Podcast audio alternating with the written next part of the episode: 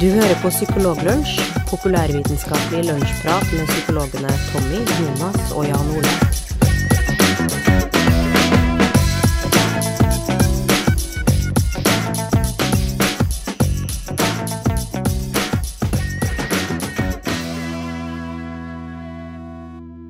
En sommer er over, men vi skal ses igjen i Psykologlunsj.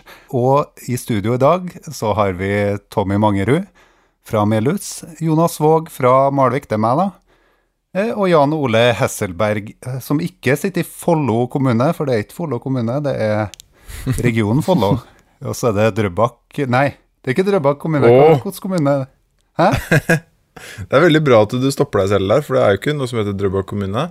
Det er Nei. noe som heter Frogn kommune. Frogn, dette. du. Drøbak-Frogn. Ja. Det kjente fotballaget som kanskje ikke eksisterer lenger, eller? Det, er, det eksisterer, men det burde kanskje ikke gjøre det. Befinner seg okay. i de nedre, nedre deler av uh, ligasystemet. Har vært oppe og snust på, på toppdivisjonen. Det har de, vet du. Og nå går vel de fleste talentene til Follo, ser jeg for meg. Det, det kan godt være, selv om Follo heller ikke presterer spesielt bra.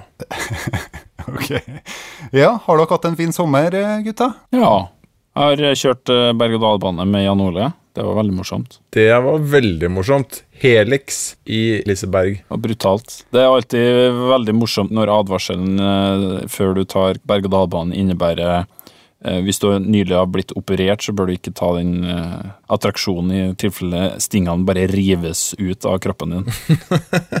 Det var veldig, de var veldig flinke til å bygge opp forventningene, og det var en hysterisk eh, morsom berg-og-dal-bane. Jeg har tatt ganske mye berg-og-dal-baner siden jeg var liten, men dette her var første gang jeg virkelig har liksom kjent på litt sånn barnslig glede igjen. Så Lisa Berg eh, anbefales. Du da, Jonas? Jeg har vært, eh, blant annet, så har jeg vært i Brønnøysund. Ja, Nordens Gdansk, kan du jo kalle det. Også, Ja, det jo, nå, nå dukker det opp mange forskjellige bilder hos folk, antakeligvis. Ok. Ja, jeg har valgt en tilfeldig havneby. eh, Men, men det kan det kan, det kan hende at det var litt uheldig valg av, eh, av eh, sammenligning. Eh, I tillegg så har jeg vært i Danmark, bl.a. blant annet på en plass som heter LaLandia, eh, som er på en måte en sydhavsøy, eh, en innendørs sydhavsøy i Danmark. Mm, den er fin. Og hvis dere ikke har vært der, så er det en skikkelig småbarnsbedrift, altså. Altså ikke det at den drives av eh, småbarn, men, eh, Eller lager småbarn. men, eh, men eh, det er barnas eh, arena, for å si det sånn. Og det skal brukes mye penger på ditt og datt. Eh, Var det gøy å være der? Det var kjempegøy. Og med det så tenkte jeg også å si at eh, vi lovte jo sist gang at vi skulle komme tilbake etter to uker. Og det er jo den lengste toukersferien i hvert fall jeg har hatt. eh, for nå skriver vi jo august, eh, så jeg vet ikke hva som skjedde det- denne her eh, måneden, eller eh, to månedene vi var borte. Ja, men Vi antyda jo både at det kunne ta lengre tid, og at det kunne være siste gang de hørte fra oss. Ja. Det gjorde vi. Så det er egentlig så, det er en bonus. Og sånn er det egentlig etter en hver eneste episode av Psykologlunsj. Så er det sånn at det fort kan være den siste episoden, selv om vi ikke eksplisitt sier det. Så det, det, må, det må potensielle lyttere merke seg med en eneste, eneste gang. Ikke bare potensielle lyttere, men faktisk lyttere også.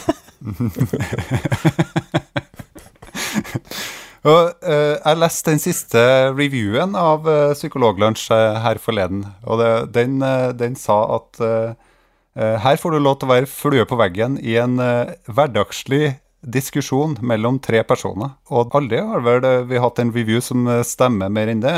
Vi er kanskje litt sånn off topic. Det, det, det er kanskje ikke den klassiske uh, vitenskapspodkasten som du eh, kanskje tenkte du skulle ha hørt på, men eh, men vi har jo i hvert fall noen tema også, som er psykologirelatert. Og blant annet så har Tommy en nyhetssak i dag som handler om eh, tips og triks om hvordan du kan legge skylda på noen. Mm.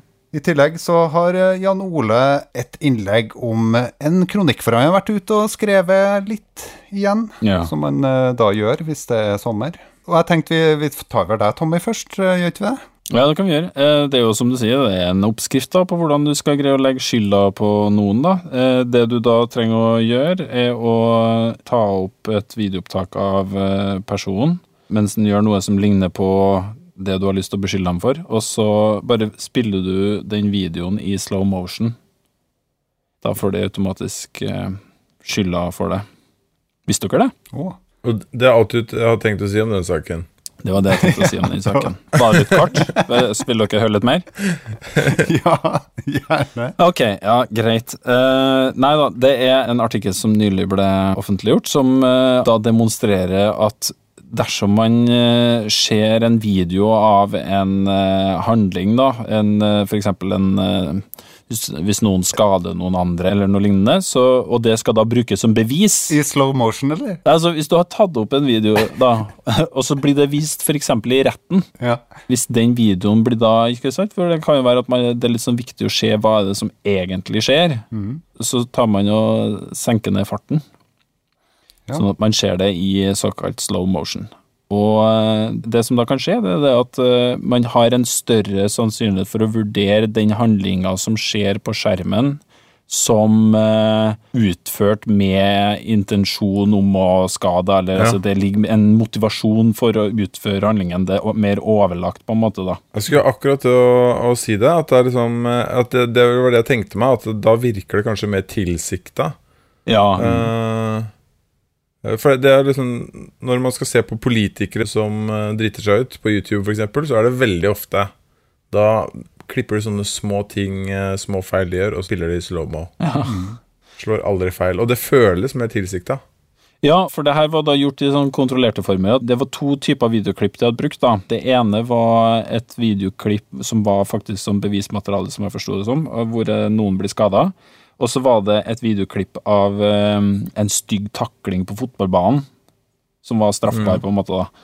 Uh, og det som da skjedde, var at uh, det var fire ganger flere medlemmer av en sånn jury da, som ville ha satt en strengere straff, altså sånn first degree murder verdict, hvis at videoen blir spilt i slow motion, enn hvis at du ser den i vanlig hastighet. Det, Fire ganger så mange. Ja, det, jeg tror det var over 1000 N på den her. Eh, og da, eh, da Ikke si N. Hva, hva mener, ja, altså mener du? eh, antall forsøkspersoner som inngår i studien. Uh, Mm. Fire ganger så mange, og det som også var litt eh, interessant, for det er jo det her som du sier, altså at, hvis de, at de opplever som at det er med en som mer sånn intensjon bak det, så til og med når de da korrigert for sånn at man har eksempel en sånn timer, så du ser hvor lang tid som har gått, så vurderer de fortsatt at det liksom har gått mer tid, da. Sånn at man har liksom fått mer Ja. tid til å tenke seg om.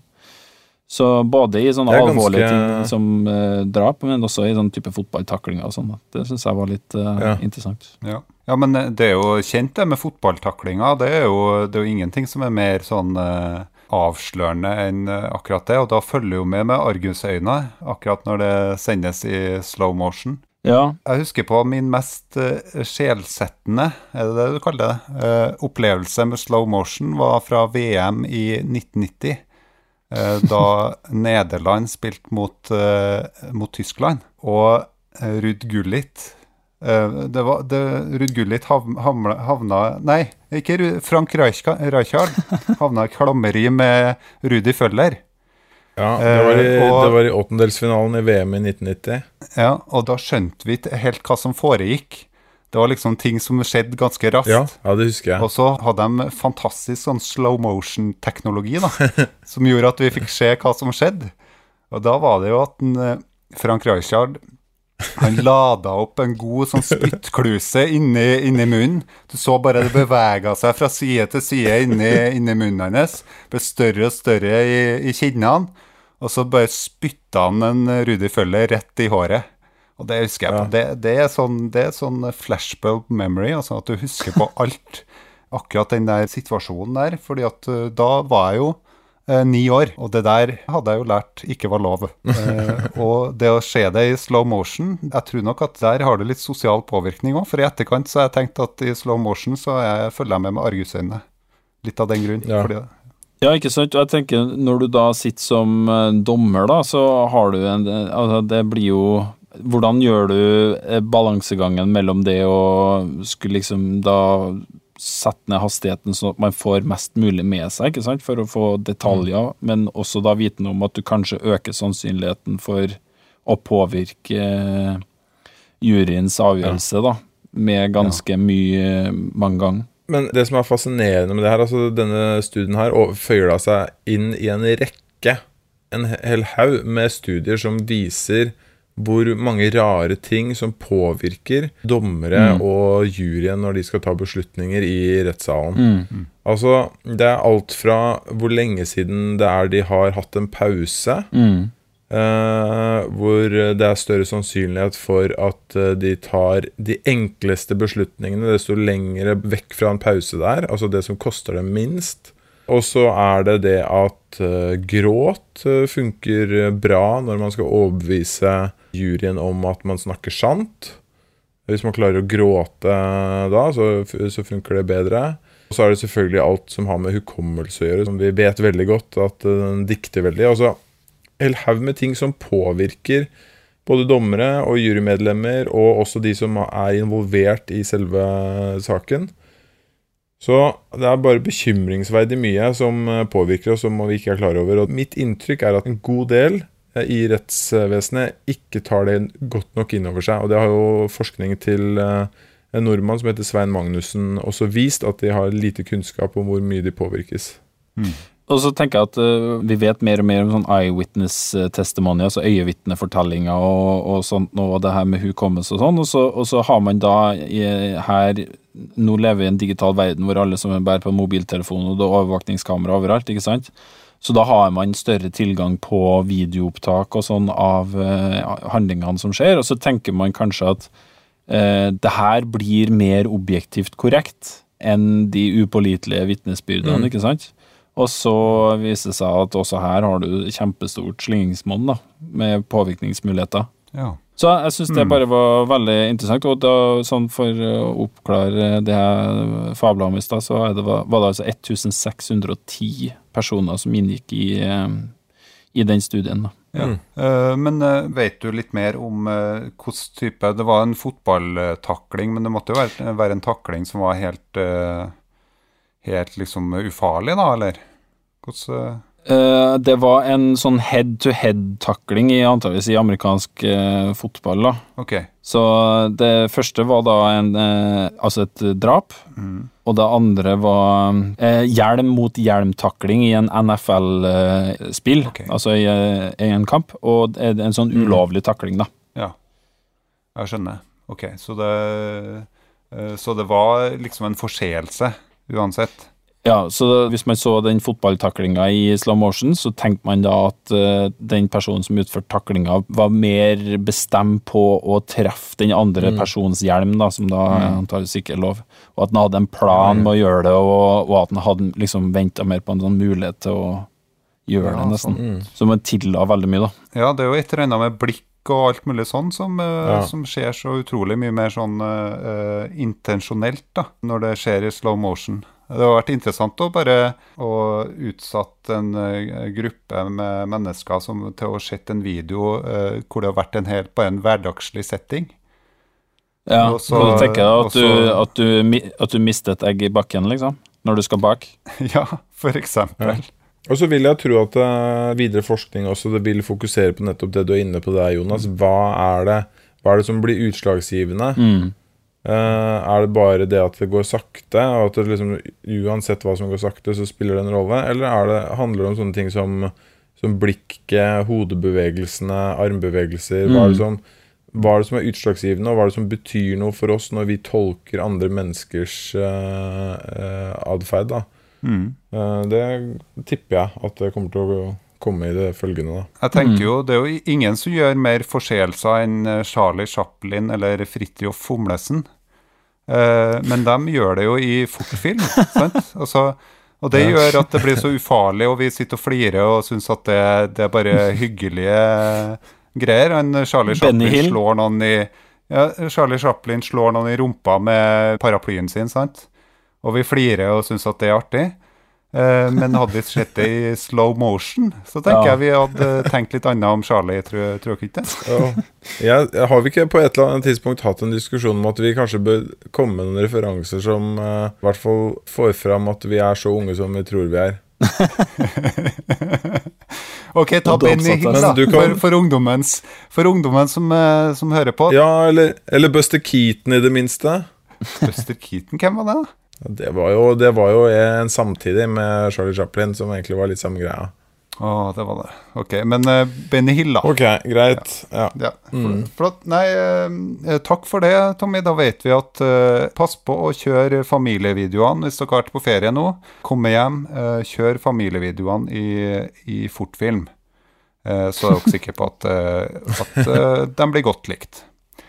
Da går vi over på kronikken eh, til Jan Ole, for Jan Ole har vært ut og skrevet en. Kan ikke du introdusere den, eh, Tommy? Jan Ole Ja. Eh, det var um, Det var noe med sykling.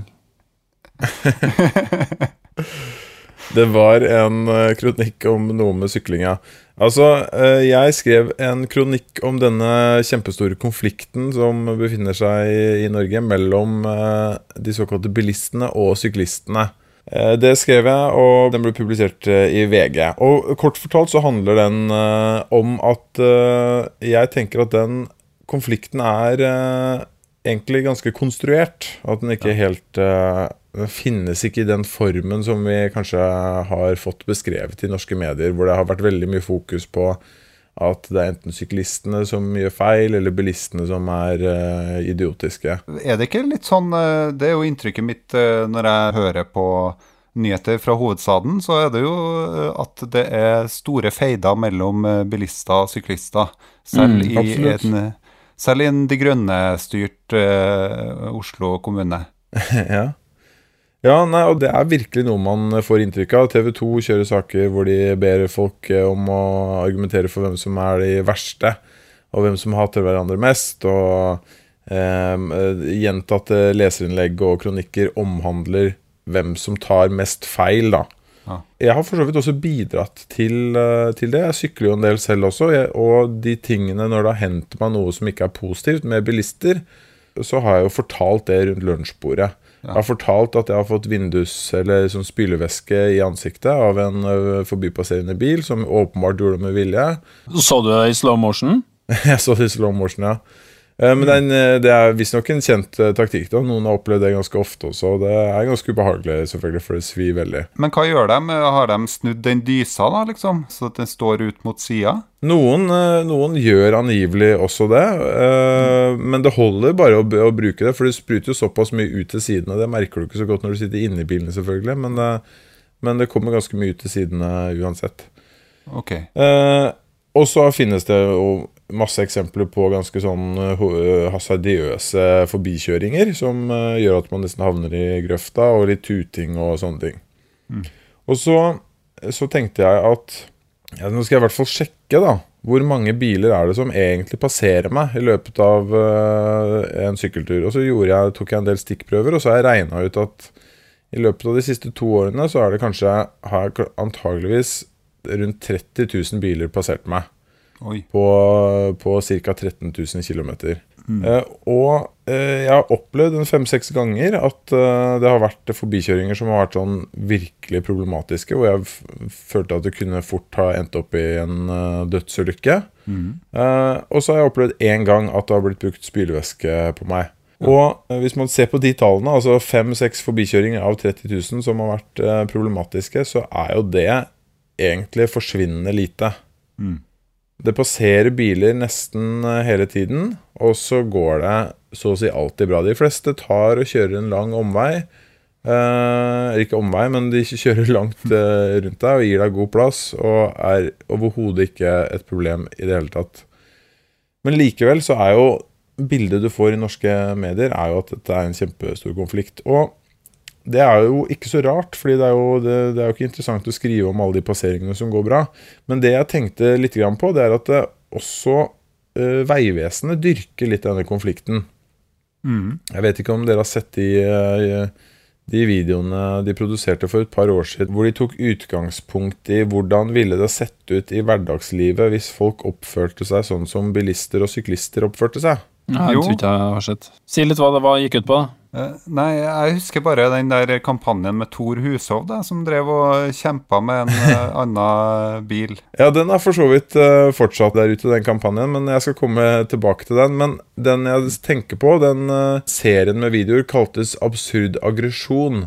Da tok de f.eks. hva hvis en vennegjeng hadde sperra folk i parken, akkurat som de idiotiske syklistene holder på med. Og så viste de bilde av Ja. noen som eh, kompisgjeng som gikk i eh, Frognerparken eller et eller annet sted, og drev og sperra folk som ville gå forbi. Med vilje, da. Ja. Eh, eller hva med en idiotisk person som driver og tuter på folk inne i en matbutikk? Så tok de liksom en fyr som gikk med et sånt svært horn, gasshorn, og drev og tuta på folk i en butikk. Akkurat som de teite bilistene driver med. Eh, og for det første så er det problematisk å beskrive folk som bilister og syklister. De aller fleste er jo begge deler. Eh, og for det andre så er det veldig mye forskning, psykologisk forskning som tyder på at det er en ganske dårlig strategi hvis du vil oppdra folk. Mm. fordi det du antyder da, er jo at det er denne skikkelig dårlige atferden som er normalen. Det er det som er vanlig. Så hva gjør du hvis du skal oppføre deg som en vanlig bilist? Ja, da skal du drive og tute deg på syklister, og du skal uh, spyle spylevæske på dem. Mm. Og det er jo helt åpenbart ikke sånn. Det er jo de som gjør noe uh, De som bidrar til det negative i denne konflikten her, hvis det er en konflikt, det er jo da helt åpenbart de som er unntakene. De som er eh, de uhederlige unntakene, som er antageligvis litt sånn impulsforstyrra mennesker som blir ganske lett aggressive. Og da er det mye bedre, tenker jeg, å beskrive det som en avvikende atferd, istedenfor å late som at det er en normal atferd. Ja. Jeg vet ikke hva dere tenker om det. Mm. Jo, Mm. jeg har en liten digresjon. Eh, Kan ikke være Ja. sånn at bilister egentlig eh, altså, har litt eh, mot syklister fordi at de på en måte er eh, trafikanter i slow motion? Og, at, eh, og at det har litt å si, da. At, at de, de vurderer de til å ha onde hensikter i trafikken, siden de beveger seg så sakte. Mm. Helt sikkert. Ja, det er helt sikkert akkurat det. Men jeg har ikke noe, eh, det er jo ikke noe vanskelig å Jeg tror alle helt sikkert har kjent på litt sånn irritasjon. Uh, enten de har sittet i bilen, og så har det, har det vært en hel haug med syklister der som har vært vanskelig å komme forbi. Eh, Mm. Men også de fleste som har sykla lite grann, har også opplevd irritasjon av over disse bilistene. Og det er ganske Ja. mange Det handler jo mye om at vi mennesker er egentlig Selv om vi noen ganger er flinke til det, så er vi stort sett ganske dårlige på å sette oss inn i andres eh, tilstand. Så når vi er bilister, så irriterer vi oss over syklister, og når vi er syklister, så irriterer vi oss litt grann over bilister. Så alle har nok opplevd det, men stort sett så klarer jo folk Eller i da åpenbart nesten 30 000 av 30 000 tilfeller, så klarer vi å beherske oss ganske bra. Eh, og så er det noen få som regelmessig ikke klarer å beherske seg. Ja. Uh, og er, da er det heller det som er et problem. Da er det de menneskene som er et problem, Ja. uh, og ikke Mm. atferden til syklister generelt, eller til bilister generelt. Mm. Så er det jo noe Det er jo uansett noe litt problematisk med å plassere personer i en gruppe Ja, ja, ja og generalisere den atferden. Altså. som om dette er gjensidig Altså, det- utelukkende kategorier. Ja, og i alle mulige andre sammenhenger hvor folk eh, er fordomsfulle eller generaliserer på over på en enkeltpersoners eh, holdninger og meninger og vaner. Det er jo et problem. Ja, og det er, det er vi, vi er veldig raskt ute med det, da. Og de generaliseringene, det, det bærer jo nesten alle store debatter preg av, ikke sant? En sånn kategorisering av mennesker inn i sånne rene grupper. Så Ta altså diskusjonen knytta til flyktninger også. så du får, du får en sånn ekstremt polarisert debatt hvor det er liksom Nei, det er om å gjøre å sette strenge krav til de, fordi hvis ikke så kommer de bare liksom Kommer de til å utnytte seg De er ute etter å utnytte seg av godene våre til, Mm. til Det er bare vakkert, på en måte. Mm.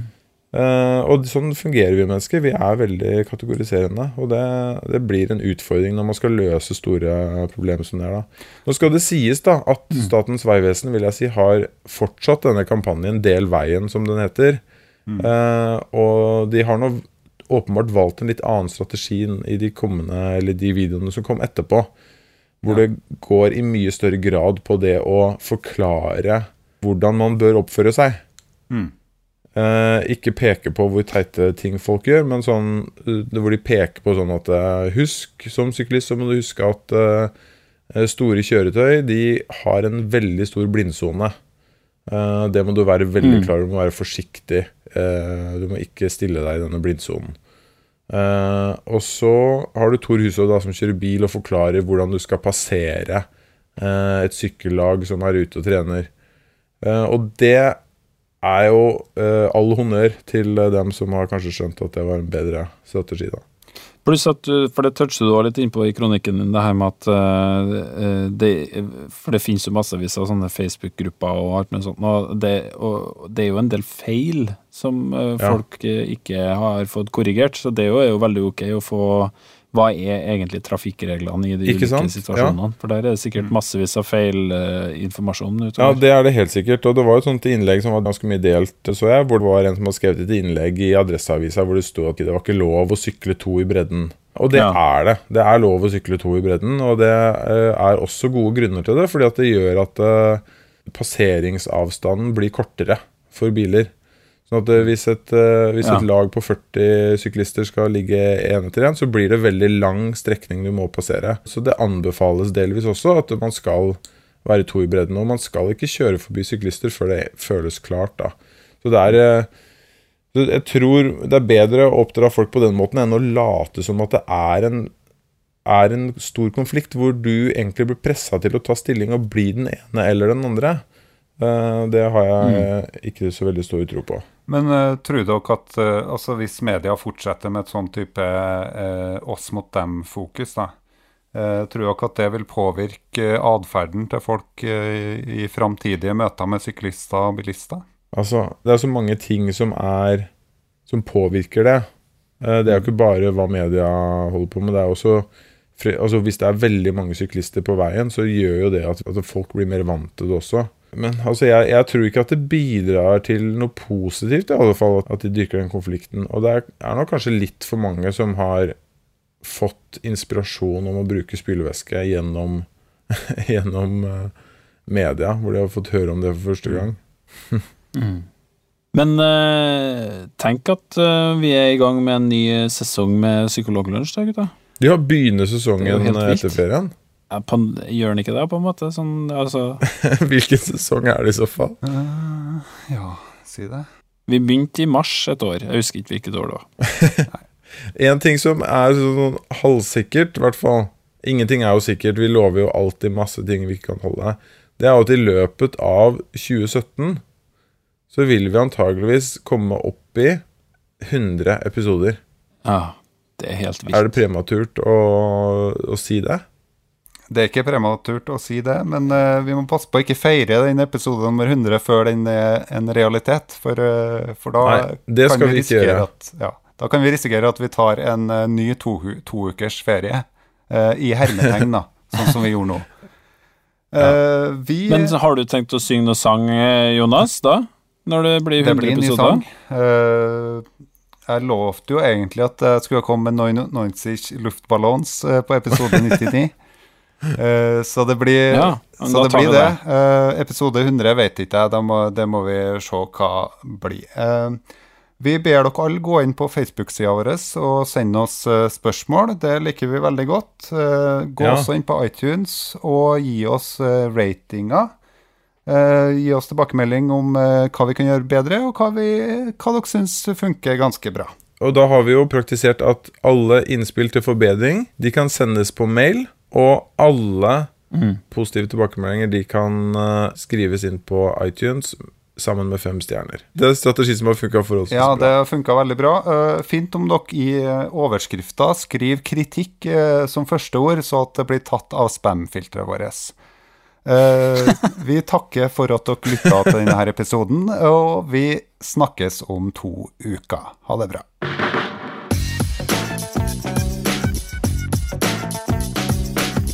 Du har nå lytta til Psykologlunsj. Har du noen spørsmål, kan du søke opp Psykologlunsj på Twitter, eller du kan sende en e-post til psykologlunsj, alfakrøll.gmail.com. Mer informasjon om temaet du har hørt i dag, finner du på psykologibloggen.no og tankesmed.no.